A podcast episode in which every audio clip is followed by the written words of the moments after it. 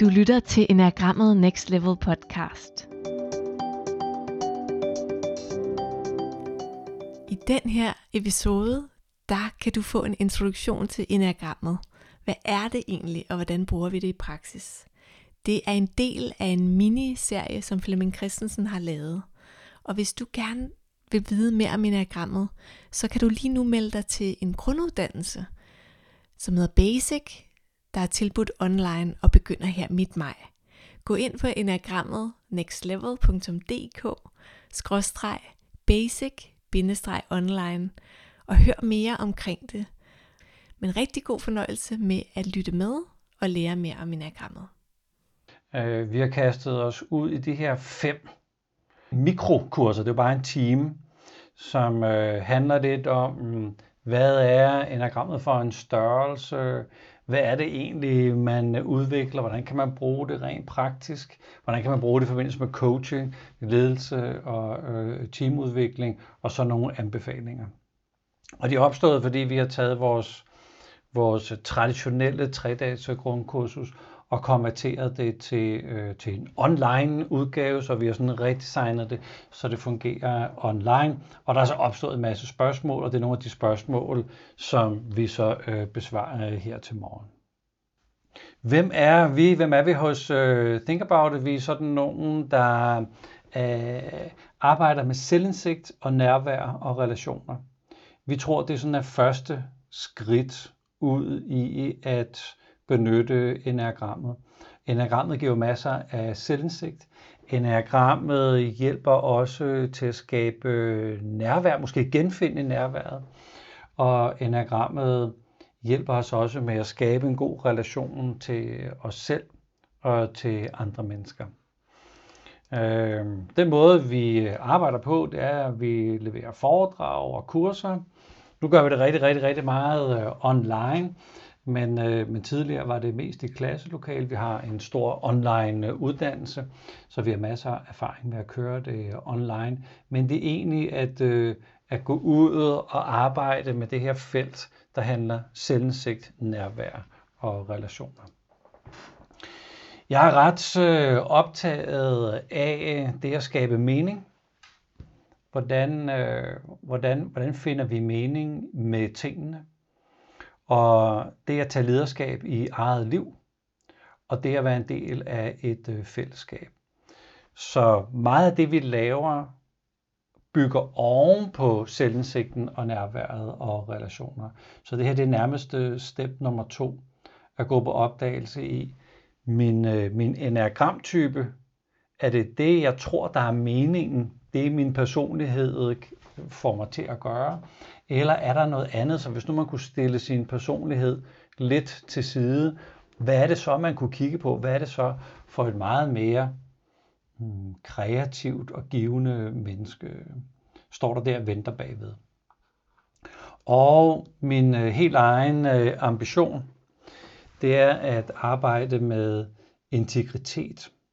Og integritet er jo egentlig at have indsigt i sine egne værdier og principper, og så tage konsekvensen af dem.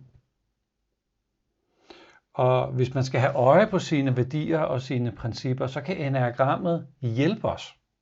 Altså enagrammet kan hjælpe os med at kigge, kigge lidt ned ad vejen og sige, hmm, hvis du går på opdagelse i de her typer, og du kan se dig selv i de her typer, så er der nok nogle værdier for dig, så er der nok nogle principper derinde. Øh, er du tro over for dem, så sidder du i et, øh, et, et job, du bliver syg af at være i, øh, men du frygter at sige jobbet op, øh, fordi så øh, kan du ikke betale øh, til, til mad og tag over hovedet. Eller tager du konsekvensen af at hitte ud af, hvordan skal jeg få livet til at fungere, hvis, øh, hvis jeg ikke skal være i et job, der gør mig syg, eller et forhold, der gør mig syg. Det her med at bidrage handler i bund og grund om at, at være interesseret i at gøre en forskel.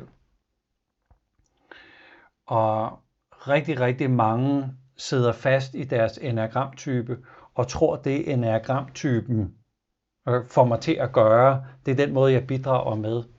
Men det er faktisk først ved den her samskabelse, det at skabe noget sammen med andre, for andre, at, øh, at vi virkelig opdager, hvordan vi kan slippe typens, øh, typens greb.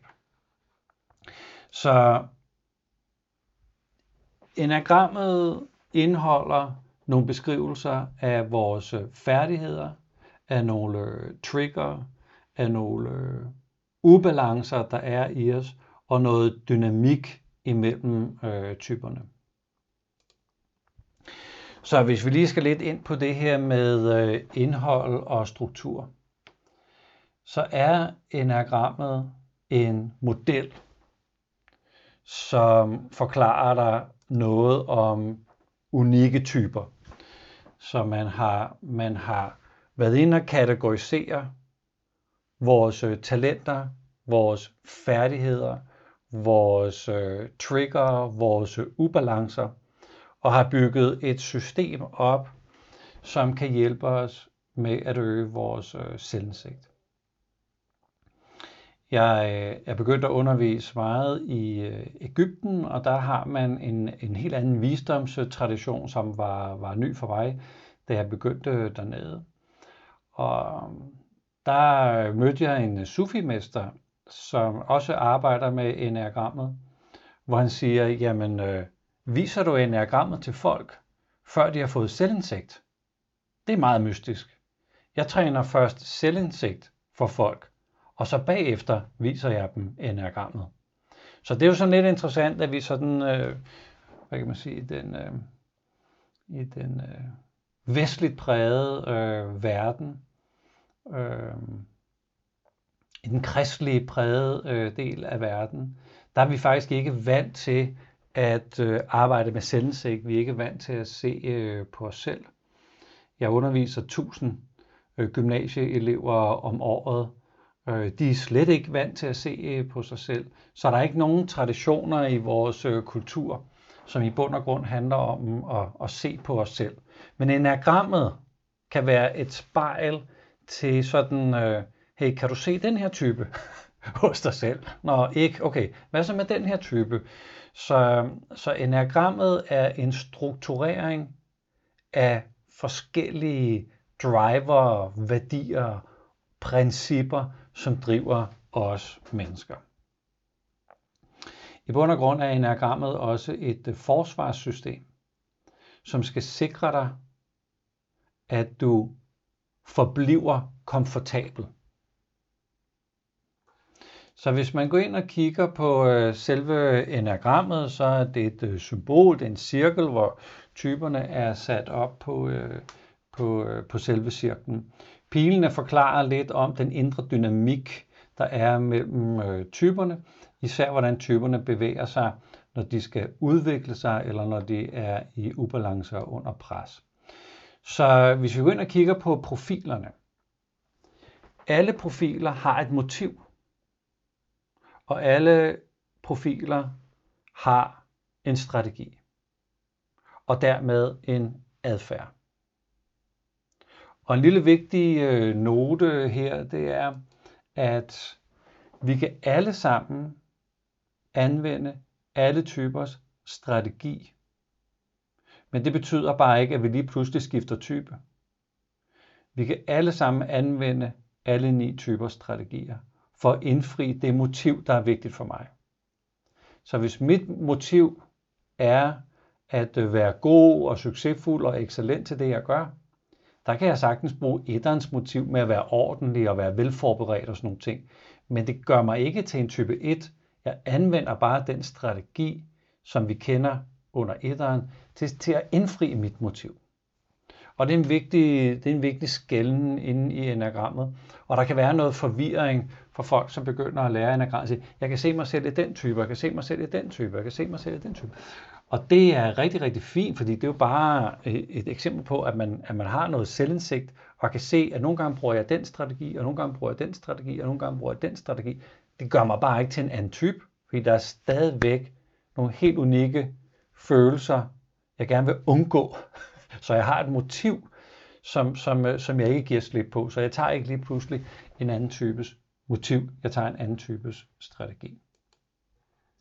Så hvis vi går lidt ind i typerne, så vil man sige, at der er nogle typer, som især vil være de handlekraftige, de proaktive og de selvkørende typer. Og det vil typisk være øh, 3'er og 7'er og 8'er. Så der er nogle særlige kendetegn ved de proaktive typer. Og jeg har ikke tænkt mig at gennemgå alle typerne har i dag, fordi det er mere sådan en fornemmelse af, hvad er enagrammet for en størrelse, det her lille minikursus, og hvad kan vi bruge det til. Men hvis vi bare tager træeren, så er der lavet et ret præcist skelet for alle typerne. Og vi vil kunne gå ind og sige, at træeren har et talent, hvor vi kan sige, det at være ambitiøs, produktiv, selvkørende, effektiv, pragmatisk. Det vil være noget, jeg kan genkende. Men hvis vi sådan skal længere ind i, øh, i træeren, så har træeren også en allergi, hvor jeg orker bare ikke dogne folk. Jeg orker ikke folk, der kritiserer mig. Jeg orker ikke at tabe, om det så er ludo eller fodbold, eller hvad det nu er, jeg stiller op i. Det, det der med at tabe, det orker jeg bare ikke. Øh, uklarhed, så når jeg skal i gang med noget, så har jeg brug for at vide, hvad handler det om? Kan jeg komme i mål? Hvad går det ud på? Så hvis der ikke er uklarhed, eller hvis der ikke er klarhed øh, om tingene, øh, så laver jeg selv nogle klare rammer, fordi jeg, jeg orker simpelthen ikke, at folk bare sidder og toger rundt i idéer, man skal lave. Hey, hvad går det ud på? Hvad skal vi lave? Hvad forventes der af mig? Og jeg orker heller ikke at spille min tid. Det, det, det er for crazy. Så det skal man så også kunne genkende. Man skal også kunne genkende, at den der ambitiøse kvalitet kan blive til sådan lidt en fantast, som har nogle vilde idéer, hvor man tænker, really? Altså, går du i gang med det? Altså, det, det lyder helt vanvittigt. Og den her pragmatisme kan også blive til sådan lidt, øh, lidt øh, omskiftelig personlighed, så nogle gange så er jeg god til det, og andre gange er jeg god til det, eller ikke god til, specialist til og ekspert til, og andre gange er jeg specialist og ekspert til. Så der kan sagtens være en tendens hos træer, som er i ubalance, at hvis man hører om et eller andet, så downloader man en podcast øh, på 10 minutter, så underviser man i det et kvarter senere. Så den der, den der nu rykker jeg på noget, kan godt være sådan, øh, andre kan godt sådan betragte sådan, altså ved du virkelig noget om det, du taler om, eller, eller, eller, eller hvad? Og der kan være noget selvtilstrækkeligt, noget mål optaget, og jeg kan også blive sådan lidt forblændet eller blind på mine egne fantastiske idéer. Så det er bare et eksempel.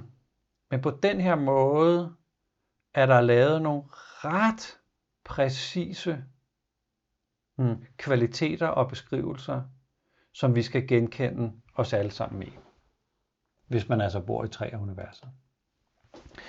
Så taler man også om de pligttro typer. Og de pligttro typer, det er 1'er, 2'er og 6'er. Og når jeg er pligttro, så, er der, så har jeg en fornemmelse af, at der er noget, jeg bør. Der er noget, jeg, jeg bør gøre. Der er noget, der forventes af mig. Så der ligger sådan en undertone af, at, øh, at jeg skal levere noget, eller jeg skal gøre noget, eller jeg skal tage mig af noget. Så de, øh, de pligtro-typer, øh, det er ligesom limen i organisationen, der får det hele til at hænge sammen. Hvorimod de opsøgende typer, det er dem, der splitter det hele ad.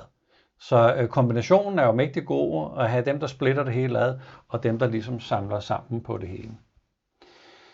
Og det her det er et eksempel på, øh, på type 1. Jeg har ikke tænkt mig sådan at gå i detaljerne med det, men bare have det som eksempel. Og så er der de afventende typer. De afventende typer, det er 4, 5 og 9.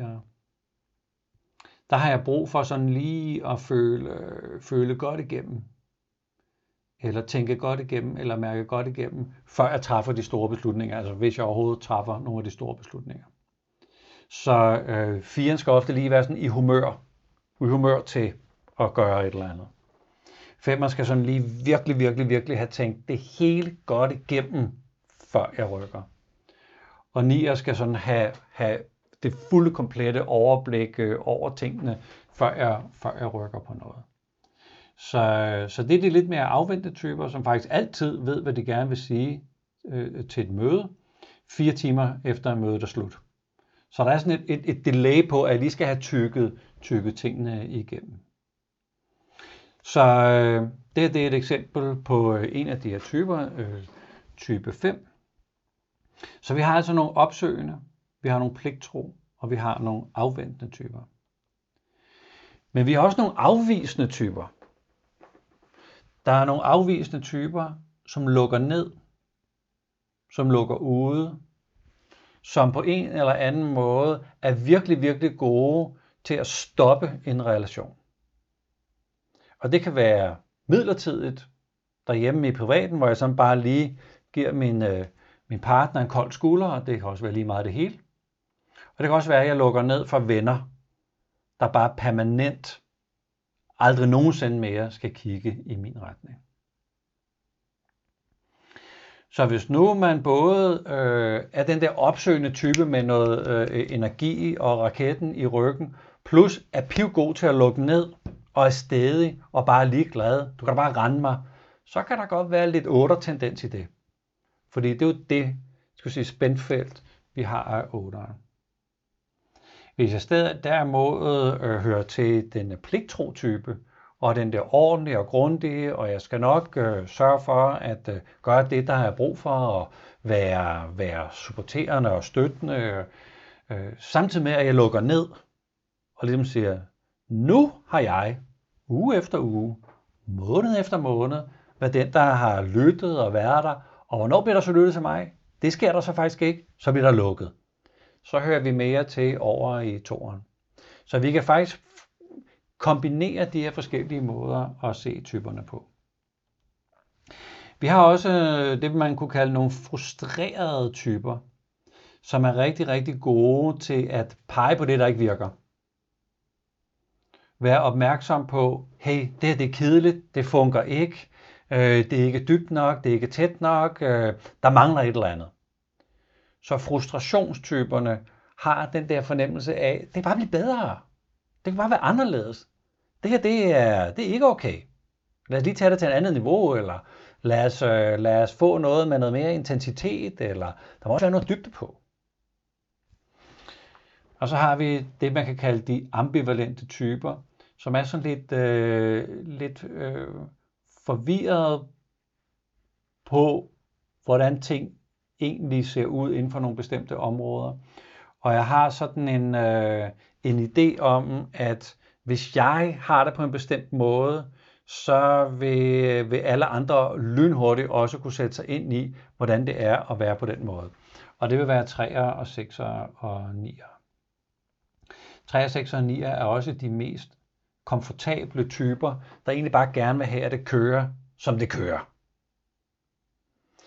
Så hvis man havde lyst til at lægge noget nysgerrighed i det her, så kan man jo faktisk kombinere, at der er noget, der hedder de opsøgende, de pligtro og de afventende, med de afvisende, frustrerede og ambivalente. Og inde i den matrix kan man faktisk finde det, man kunne sådan sige sin, øh, sin type. Der findes jo en ret stor beskrivelse. Der er, der er øh, forskere, som undersøger, hvad er det for nogle talenter, mennesker kan bære rundt på, og hvad er det for nogle kernekompetencer, som, øh, som ligger inde i de her øh, talenter. Og den her liste er slet ikke øh, fyldesgørende. Men jeg hører til inde i nogle af de her talenter. Så jeg ser mig selv som ambitiøs og arbejdsom, og generøs og konkurrencelysten og kreativ, lærerlysten, pragmatisk, selvkørende, trofast og sårbar. Men det er, jo, det er jo min udgave. Det man har gjort, det er, at man har været inde og bedt folk om at tjekke de her kernekompetencer ud. Og der kan man altså se, at øh, træer har bestemte kompetencer, fire har bestemte kompetencer. Så det ser ud som om vores type hjælper os med at bygge nogle særlige talenter.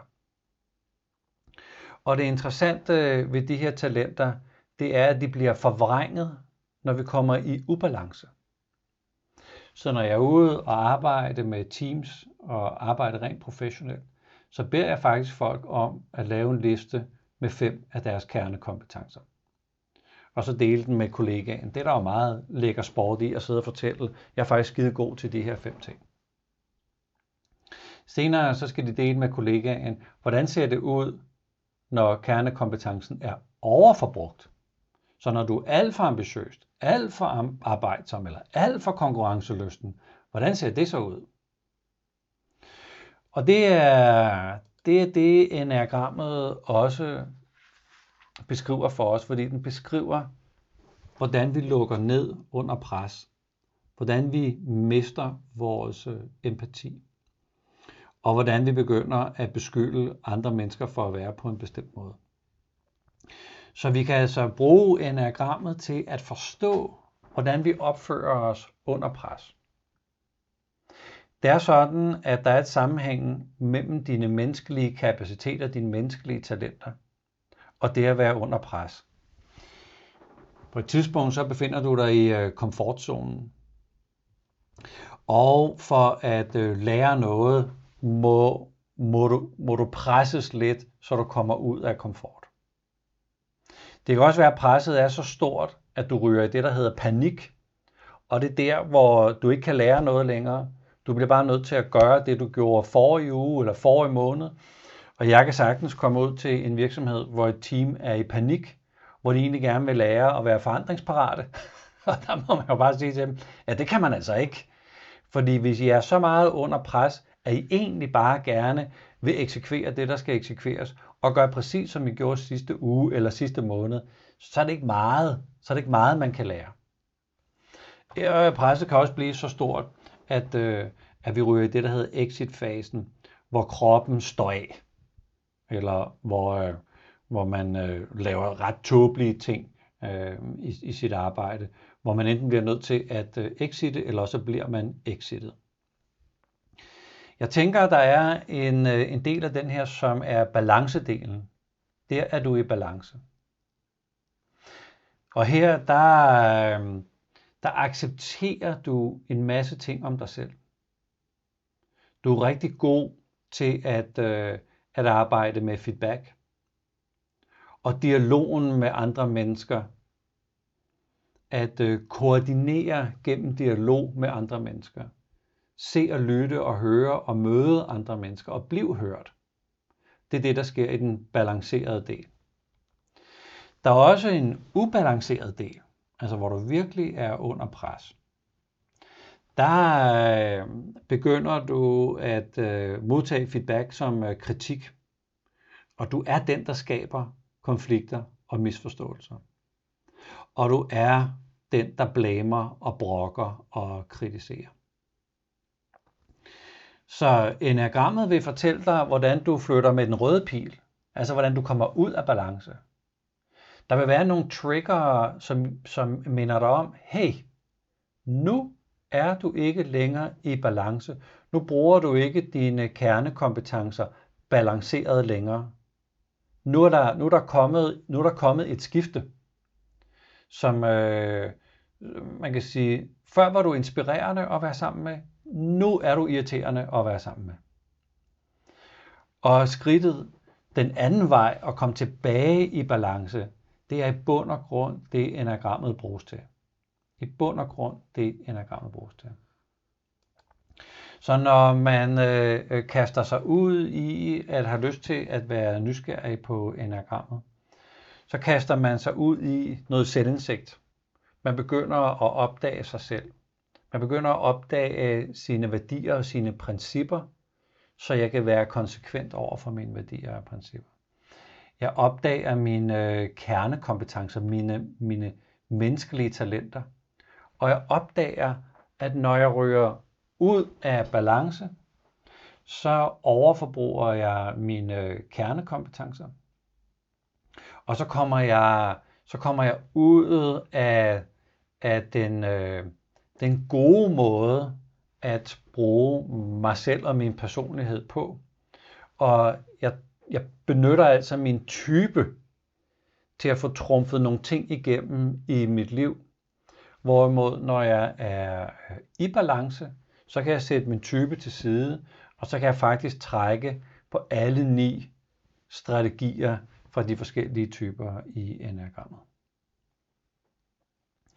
Den ene af de allerbedste måder at tage en test på, det er at sidde sammen med sin kæreste gennem mange år foran øh, skærmen, og så sige, skatter, jeg er ved at tage en test, sådan en enagram-test, gider du ikke sidde ved siden af. Og så mens man flytter musen rundt, så kan man sådan lige, lige øh, tjekke ud med en, der kender en, og man er på rette spor. Fordi det der med at have indsigt i sig selv, er faktisk ikke det nemmeste. Så nogle gange skal man sådan igennem nogle stadier, igennem nogle faser, før man virkelig, virkelig klikker og finder sin type. Godt.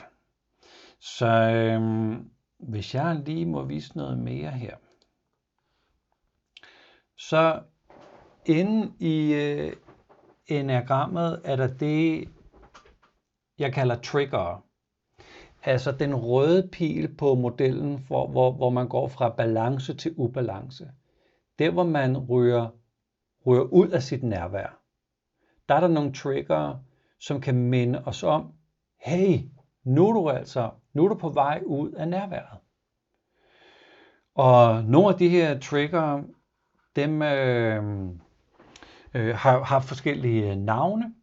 Og lige så snart du begynder at blame eller give nogen skylden for noget, og du er fuldstændig overbevist om, at du ikke selv er en del af konflikten, det er en trigger. Og det gør de her ni typer på hver deres helt specielle måde, så beskylder de andre. Og, og øh, øh, har den lidt vanvittige idé, at øh, hvis bare andre gad at lave sig om, så ville det være nemmere at være mig. Og hvis der er nogen af jer, der øh, lever i et øh, parforhold, og I har været i det i mere end syv år, så kører det der blame game for fuld musik derhjemme. Altså man har en lille liste, hvor man godt kunne tænke sig, at ens partner lavede sig en lille bitte smule om, fordi så ville det faktisk være dejligt at være mig. Det at opdage, at jeg er i mistrivsel og tror, at ved at lave om på nogle andre, så jeg kan få det bedre, eller min chef skulle være anderledes, eller kunderne skulle være anderledes, eller det med IT eller marketing skulle være anderledes. Lige snart jeg begynder at have den der idé om, at der er nogen, der skulle være anderledes, så er det en trigger til mig, at min type er begyndt at overtage min måde at være på. Så i enagrammet kan vi altså også få instrukser til at komme tilbage igen og gå ind og være nysgerrig på og sige, hey, der er noget her, der ikke ligesom spiller, og sådan som jeg synes, det skal, kan vi have en snak om det, er der noget, jeg kan gøre i det.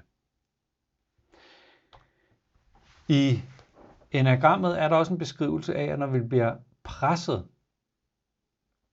så mister vi vores empati. Så mister vi vores evne til at leve os ind i, hvordan andre mennesker har det. Og alle os med børn, vi har prøvet i pressede situationer at sige eller gøre et eller andet mega tåbeligt over for vores barn, øh, og tale til vores barn, som om barnet var voksen. Så vi, vi glemmer, vi glemmer, at dem vi er sammen med er mennesker. Og på en eller anden måde i pressede situationer, så bliver mennesker til objekter eller demser.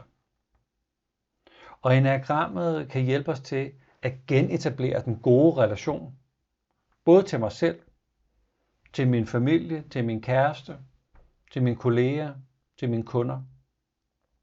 Så dynamikken mellem typerne, hvordan typerne sådan kan komme til at træde på hinandens øh, litorne, er også en af de gode grunde til, at enagrammet er blevet så populært, som det er blevet. Så hvis jeg lige må vise den her også, så fortæller enagrammet også, hvordan du lukker ned for feedback. Og hvordan du snubler, når nogen vil give dig noget feedback. Der bliver brugt rigtig, rigtig mange penge på at træne folk i at give feedback. Men hvis den, der skal modtage den, bare lukker ned og ikke vil have den, så er de penge jo spildt. I stedet for kunne man bruge enagrammet til at træne folk i at være gode til at opsøge det eller modtage feedback. Og så kan vi bruge enagrammet til at vende os mod os selv. Og det kunne godt kaldes for selvindsigt, men det kunne også give noget ærlighed og noget selvaccept, som i bund og grunden udmyndter sig i noget selvværd. Så det var sådan øh, lidt om, at enagrammet er en struktur, men der er inde i enagrammet også, øh, også nogle øh, indikatorer, som peger på noget og øh, hjælper dig med at se noget.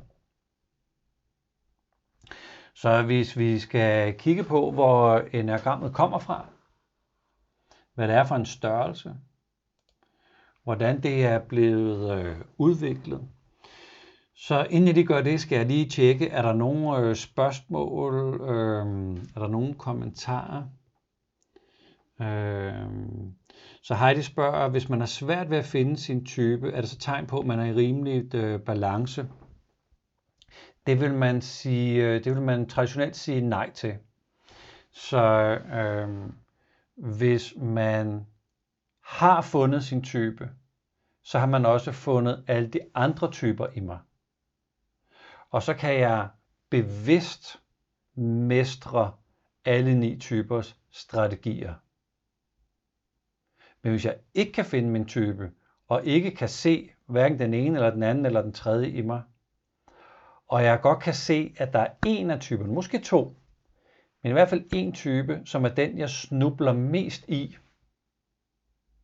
så, så, så, så vil man ikke sige, at så, øh, så har jeg god kontakt med alle typer.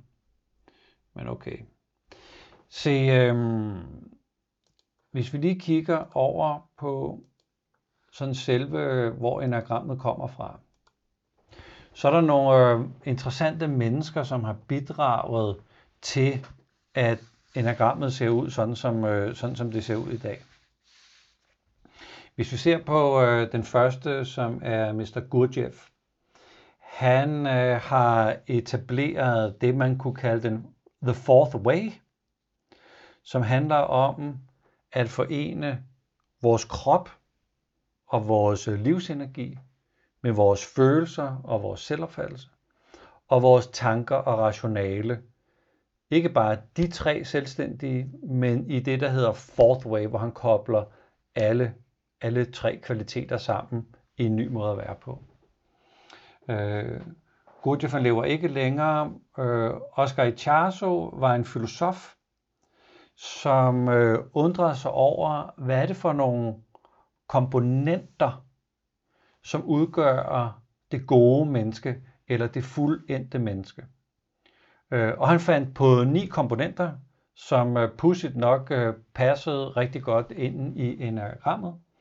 Han er chilener, var chilener, han er desværre død. Han er lige død for to måneder siden.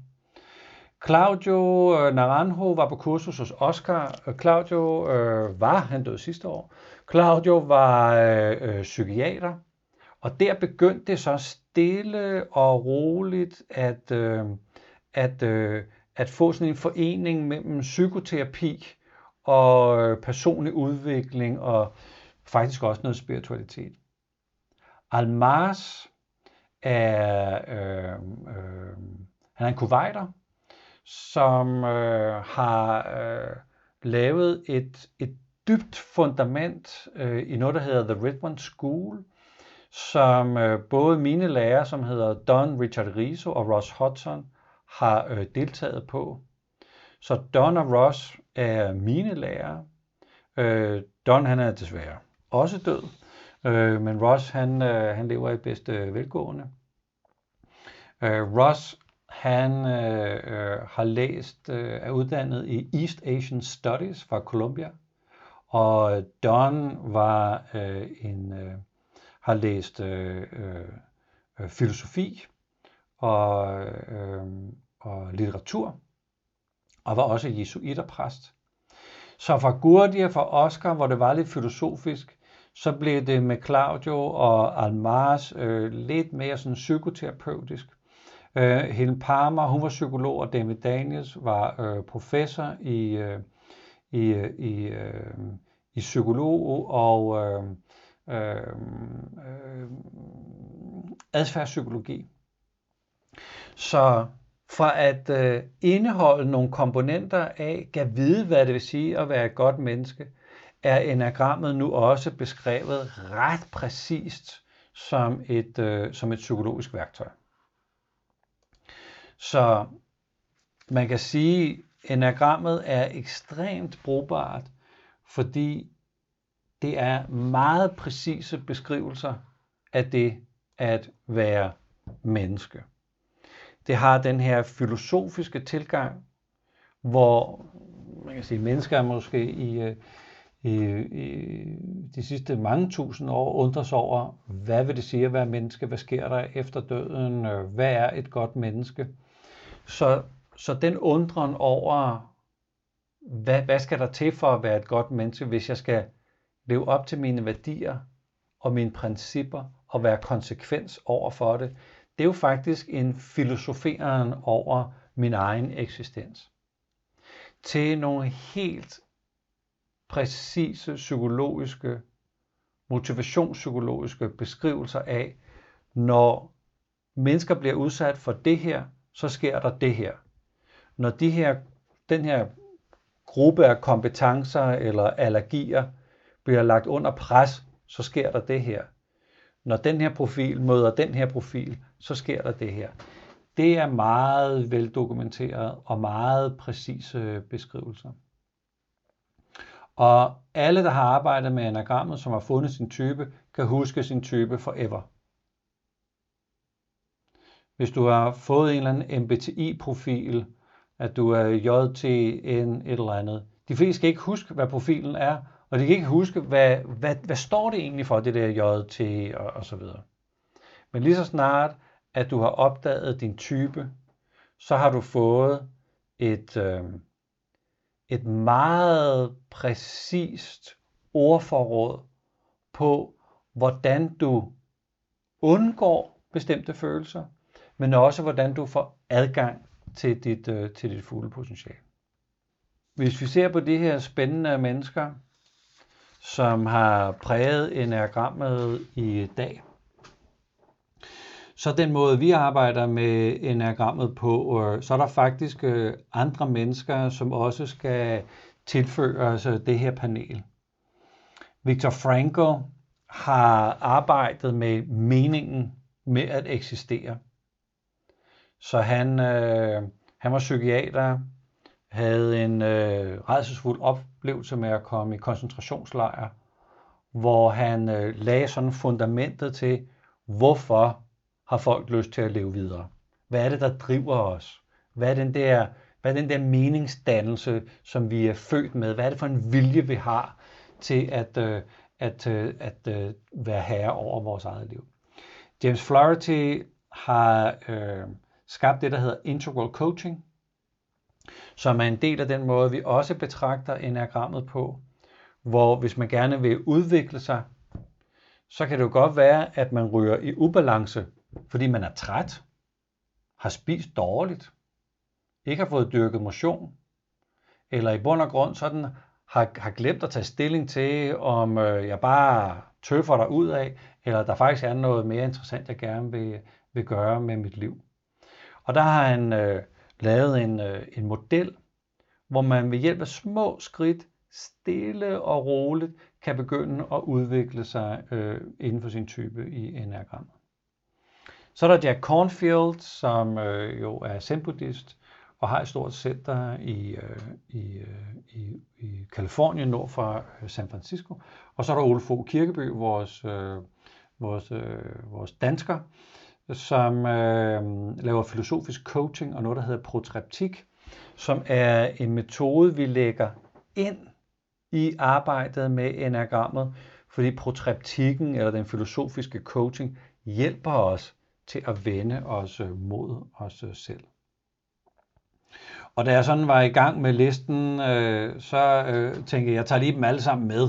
Fordi Robert Keegan øh, øh, er jo også værktøjer, vi arbejder med. Vi er, vi er uddannet hos øh, Robert Keegan, som arbejder med adult development, som er det her felt, vi arbejder med. Pamela Weiss har været min, øh, min sensei i mange år. Hun er også zen-buddhist. Jes Bertelsen, den anden dansker, øh, der er på vores listen, er ham, der har skabt Vækstcentret i, øh, i Jylland, og er måske øh, det, skal sige, den profil i Danmark, som arbejder, som har arbejdet længst og, øh, og øh, mest konsekvent med, øh, med personlig øh, udvikling. Og så er der Daniel Siegel, som jo arbejder med etablering af vores bevidsthed, hvordan den sker i samspillet med andre mennesker. Så det vil egentlig sådan være den, øh, den øh, komplette liste. Så enagrammet er, er et værktøj, der har sådan en, en grundstruktur af motivationspsykologi. Men så kan der kobles alle mulige andre spændende værktøjer udenom. Vi har mødt øh, nogen, som har uddannet sig inden for øh, narrativ terapi. Det kan vi koble ind i enagrammet. Der er nogen, der arbejder med øh, eksistentiel coaching. Det kan vi koble ind i enagrammet. Så enagrammet er sådan en base, der når vi stille og roligt har styr på basen, så kan vi koble andre spændende øh, værktøjer. Så det her det er jo bare vores måde at gøre det på, og hvis du henvender dig til en, øh, til en anden skole, så har de jo deres måde at gøre det på. Der er nogen, der arbejder med skyggesider, der er nogen, der arbejder med, øh, med traumer, øh, så, så lidt afhængig af, hvad det er, der er din tilgang til det, så, så, kan, vi, så kan vi koble psykologi ind over og, og gøre det super, super, super praktisk. Så hvis jeg lige skal øh, runde af med sådan en, øh, en lille praktik, så ser jeg... Kan du ikke høre mig? Så skal jeg da lige øh, tænde min mikrofon. Det er godt. Tak. Så øh, praktikken, som jeg gerne vil slutte af med, det er nogle øh, steps, som, øh, hvor spørgsmålet jo egentlig er, hvem kan anvende enagrammet? Og der tænker jeg, jamen dem, der har lyst til at tage de her tre steps, kan anvende enagrammet. Step 1 handler om at øge sin selvindsigt, træne noget nærvær og være nysgerrig på relationen til mig selv og dem, jeg er sammen med. Det er ikke sikkert, at man skal lave de helt store ændringer eller øh, øh udvikle sig eller forandre sig. Men hvis jeg øger min selvindsigt, og jeg øger mit nærvær, så jeg vidderligt er sammen med folk, når jeg er sammen med folk, eller jeg spiser mad, når jeg spiser mad, eller jeg er sammen med mine børn, når jeg er sammen med mine børn, eller jeg elsker, når jeg elsker. Så hvis vi er der og gør det, vi gør, når vi gør det, og vi er nysgerrige på de relationer, vi har, så er det step 1. Hvis man stille og roligt har lyst til at gå videre, så kommer man ned i noget meningsdannelse. Er jeg, er jeg nysgerrig på, hey, giver det mening, det jeg render rundt og laver? Øhm, og hvis jeg nu selv skal tage lederskab i mit eget liv, hvordan ser det ud? Og så fællesskaber. Hvad for nogle fællesskaber vil jeg gerne være sammen med? Hvad for nogle mennesker vil jeg gerne se? Øh, dem jeg ser i, i øjeblikket, er det nogen, der støtter mig, udfordrer mig? Øh, er det nogen, der øh, nærer mig? Er det nogen, der kan give mig lov til at være præcis den, jeg er? Der, der kommer vi til at arbejde lidt mere med os selv. Og måske har man lyst til at tage fat i det, det, sidste, i det sidste step, som handler om integritet, som jo egentlig handler om at tage konsekvensen af, at jeg har opdaget, at jeg har nogle principper, jeg har nogle værdier, jeg gerne vil leve op til. Og jeg vil gerne ud og bidrage med et eller andet. Jeg vil godt, jeg vil godt helt ud af, hvad er det for en forskel, jeg skal gøre. Og endelig det her med at skabe noget for andre sammen med andre. Så det bliver mere og mere aktivt og mere og mere i samspillet med andre mennesker. Og altså mere og mere en, øh, en, øh, en bro af mig selv, eller en, øh, en, en måde at engagere mig i mit øh, liv på. Så dem, der har lyst til det, og dem, der er nysgerrige på det, øh, jeg tænker, det er sådan nogen som, som os, der synes, enagrammet er interessant. Tak for nu, og have det vel.